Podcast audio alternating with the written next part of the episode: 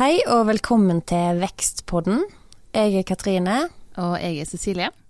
Og vi er utdannet økonomer som har jobbet som revisor, konsulent og økonomisjefer i en del forskjellige selskaper. Og i 2012 så startet vi Økonomihuset Vekst.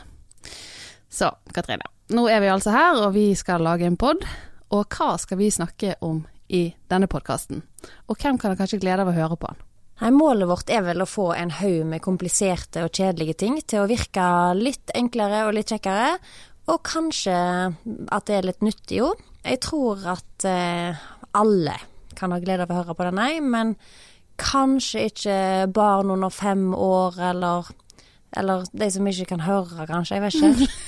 men eh, muligens kjekkest for, eh, for de som driver egen bedrift, eller har tenkt å starte egen bedrift. Ja, det vil jeg jo fort tro og håpe på. Og for å starte, eller sparke i gang den lille miniserien vår, så tenkte vi kunne prøve å snakke om noe som kanskje alle kan ha litt interesse av. Eh, både dere som allerede har startet selskap, og dere som tenker på å starte selskap. Så derfor har vi en utrolig catchy tittel på dagens podkast, og det er da 'Med spanderbuksene på'. Ja, eh, og det er, jo et, eh, det er jo et tema som er innenfor dette her med å få fradrag for kostnader, og det er det jo veldig mange som er interessert i.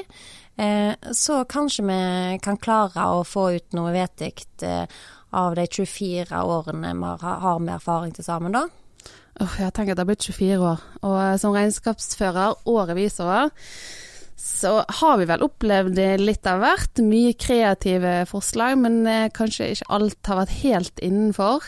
Og um, de spørsmålene vi oftest får, det går jo på representasjon. Og representasjon, det er jo noe alle har hørt om, eh, føler jeg. Men, eh, men eh, hva er det egentlig, da? Hva er representasjon? Ja, hva er representasjon? Eh, og der har jo selvfølgelig Skattedirektoratet en veldig fin definering av dette her og det er da altså som følger. Utgifter som en bedrift pådrar seg for å få sluttet forretninger, eller for å knytte eller bevare forretningsforbindelser. Det dreier seg således om kostnader som bedrifter har utad overfor personer som ikke er knyttet til som medarbeider til bedriften.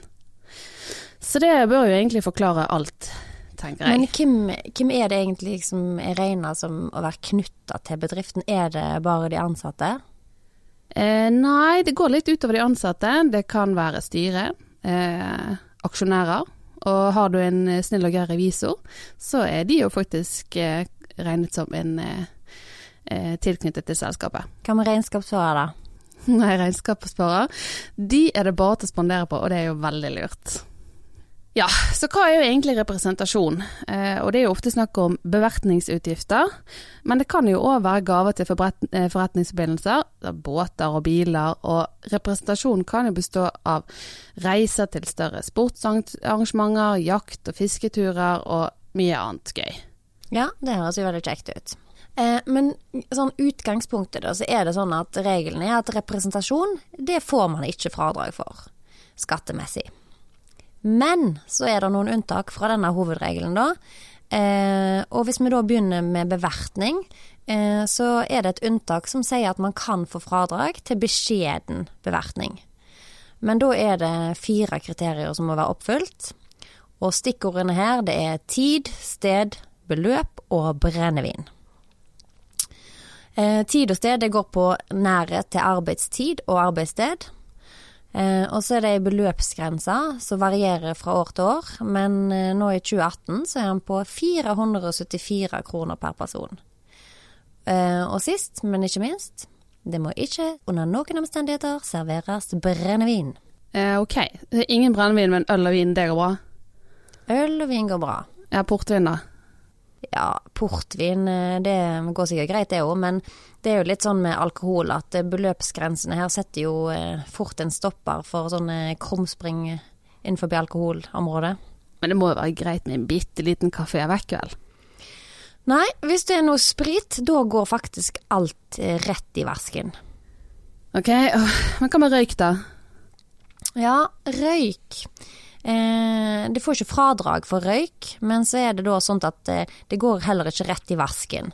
Eh, for da må du bare trekke røyken eh, ut av eh, kvitteringen, og så får du fradrag for resten. Så det å ta en liten røk med en forretningsforbindelse, det er faktisk mulig. Ja, men det var jo enda godt å vite. Men hva om en ikke er så veldig sulten og sånn fysen på mat, men bare egentlig vil ta seg noen øl, da? Nei, du må faktisk ete. Det er liksom sånn at det er vin og øl i sammenheng med bevertningen. Men eh, du kan jo bare bestille et eh, sånn ostefat eller noe sånt, kanskje det? Ok, greit, jeg noterer det. Bestille ostefat. Men når du sier at det er egentlig ikke lov, altså hvis jeg glemmer å bestille ostefat, blir jeg liksom arrestert og står skattemann utenfor restauranten og venter på meg da, eller? Ja, da er jeg rett i fengsel. Ja, ok. Nei da, det betyr bare at ikke du får skattemessig fradrag for kostnaden. Eh, Du kan fortsatt ha den med i regnskapet, men eh, du sparer ikke noe skatt i forhold til å ha den med. Ja, greit. Men så er det jo sånn at man har jo sånn dokumentasjonskrav da, som kanskje kan være lett å glemme innimellom. Og da er det jo sånn at man må skrive hvem man har spist med, og hvorfor man har spist med akkurat de eh, personene. Så da må man rett og slett føre opp fullt navn og bedriften de jobber i. Er ikke det rett? Jo, så det nytter ikke å skrive at du har spist med Kjellen og Ottoen og Superhot Sexy Guy og sånne ting. Ok, så det må være fullt navn da. Fullt navn. Ja. Og eh, hvis en eh, glemte å bestille ostefata, og, eller en tok en ørliten tequila, slipper en da å skrive hvem en var med? Ja, man kunne jo håpe det, men det gjør du faktisk ikke. Så du må fortsatt skrive på eh, hvem som har vært der, og hvorfor du ikke bestilte det ostefatet, hvis du har lyst til å ha kostnadene med regnskapet. Ja. Eh, men så er spørsmålet hva skjer hvis det ble 475 kroner per person der, og ikke 474? Nei, da har du rett og slett dritt på draget, og da får du ikke fradrag for den kostnaden. Så det er, virkelig så strengt? yes, så da er det bedre lykke neste gang. Pass på å ha telefonen klar og så regne ut løpende etter hvert som regningen eh, vokser på, eh, rundt bordet. Ja, en må vite når en skal stoppe. Ja, må det. Men si da at man har oppfylt alle disse kriteriene, enten det er ostefat eller hva det er, eh, og har da konstatert at en har fradrag for denne kostnaden. Har man da òg fradrag for moms? Nei, det har man jo selvfølgelig ikke. Eh, og en god regel egentlig å bare skrive seg bak øret, eller der man pleier å skrive ting, det er at man har aldri fradrag for moms på mat og drikke. Ja, og det er med mindre man selger mat og drikke. Da kan man ha fradrag. Og da kan man gjerne lage seg en sånn fin huskeregel. Selger jeg mat? Nei. Stakkars meg. Selger jeg mat? Ja. Hurra. Ok. Var ikke den grei? Jo, det var veldig grei. Ok, og så kan vi Da er neste ting gaver til forretningsforbindelser. Åh, Hvordan ja, er reglene der? det er jo enda et eh, lett tema med veldig enkle regler å forholde seg til. Men det er dessverre sånn at gaver til forretningsforbindelser, det er faktisk ikke fradragsberettiget det heller. Og det gjelder både skatten og mer- merverdiavgiften. Så har man jo da noen sånne fine enkle unntaksregler, at enkle oppmerksomheter som blomster og vin og sånn, eh, det kan man få med skattemessig fradrag hvis det er maks 260 kroner. Så det er jo òg eh, lurt å, å notere seg. Mm. Eh, og så, eh, hvis det er eh, maksimalt 100 kroner, Mm. da får man til og med fradrag for moms. Yes. Det er kjekt, da. Så nå blir det quiz på slutten av podkasten her på hva som gir fradrag for skatt og moms, og eh, se om vi husker dette. Men hva hvis eh, det er reklame på det? Er det noe forskjell da, hvis man gir det til forretningsforbindelser? Man skulle jo tro og håpe det, men det er faktisk eh, ingen forskjell. Eh, det eneste er hvis at eh, det er ting du vanligvis selger, altså f.eks. hvis du driver sportsforretning og har, selger gymbager eller et eller annet sånt, så kan du få momsfradrag helt opp til 260 kroner. Så her er det mye penger å hente. Ja, det skjønner jeg da. Ok, så da har vi snakket om eh, bevertning og gaver, eh, og så er det de reisende da. Mm. Eh, og så kan vi ta gjerne julebord først. Eh, det er jo av og til man reiser òg på julebord. Er det lov å ta forretningsforbindelser med på julebord? Ja, det kan du, så hurra for det. Men du får ikke fradrag for dem. Det er kun for de ansatte. Eh, og det som er litt morsomt med akkurat denne her, da, det er at selv om aksjonærene og revisorene tidligere var definert som tilknyttet virksomheten, så er de plutselig ikke på julebord. Så her er det noen helt eh, egne regler, så disse får du faktisk ikke fradrag for i regnskapet ditt på skatten. Ja, det er jo litt eh, inkonsekvent, men ok. Ja.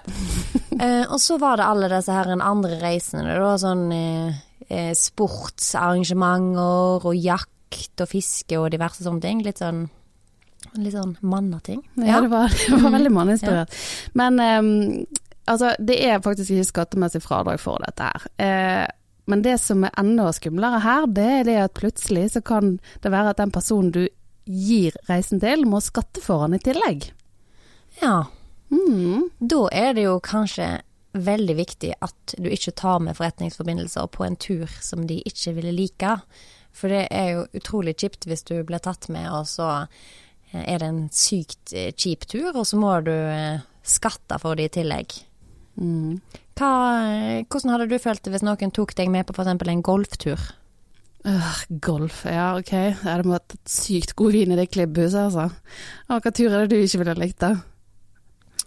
Nei, det verste jeg kunne tenkt meg, tror jeg hvis jeg var med på en sånn en racersykkeltur, der vi skulle sykle langs landeveier og, den slags. Ja, eller, eller nå i disse sjakktidene, hvis noen har blitt inspirert på å dra deg med på sånn sosial sjakkturnering, da tror jeg at jeg hadde vi måtte sitte og spille liksom hele Og så måtte jeg skattet for det i tillegg, liksom. Det, da hadde jeg vært lite happy, altså.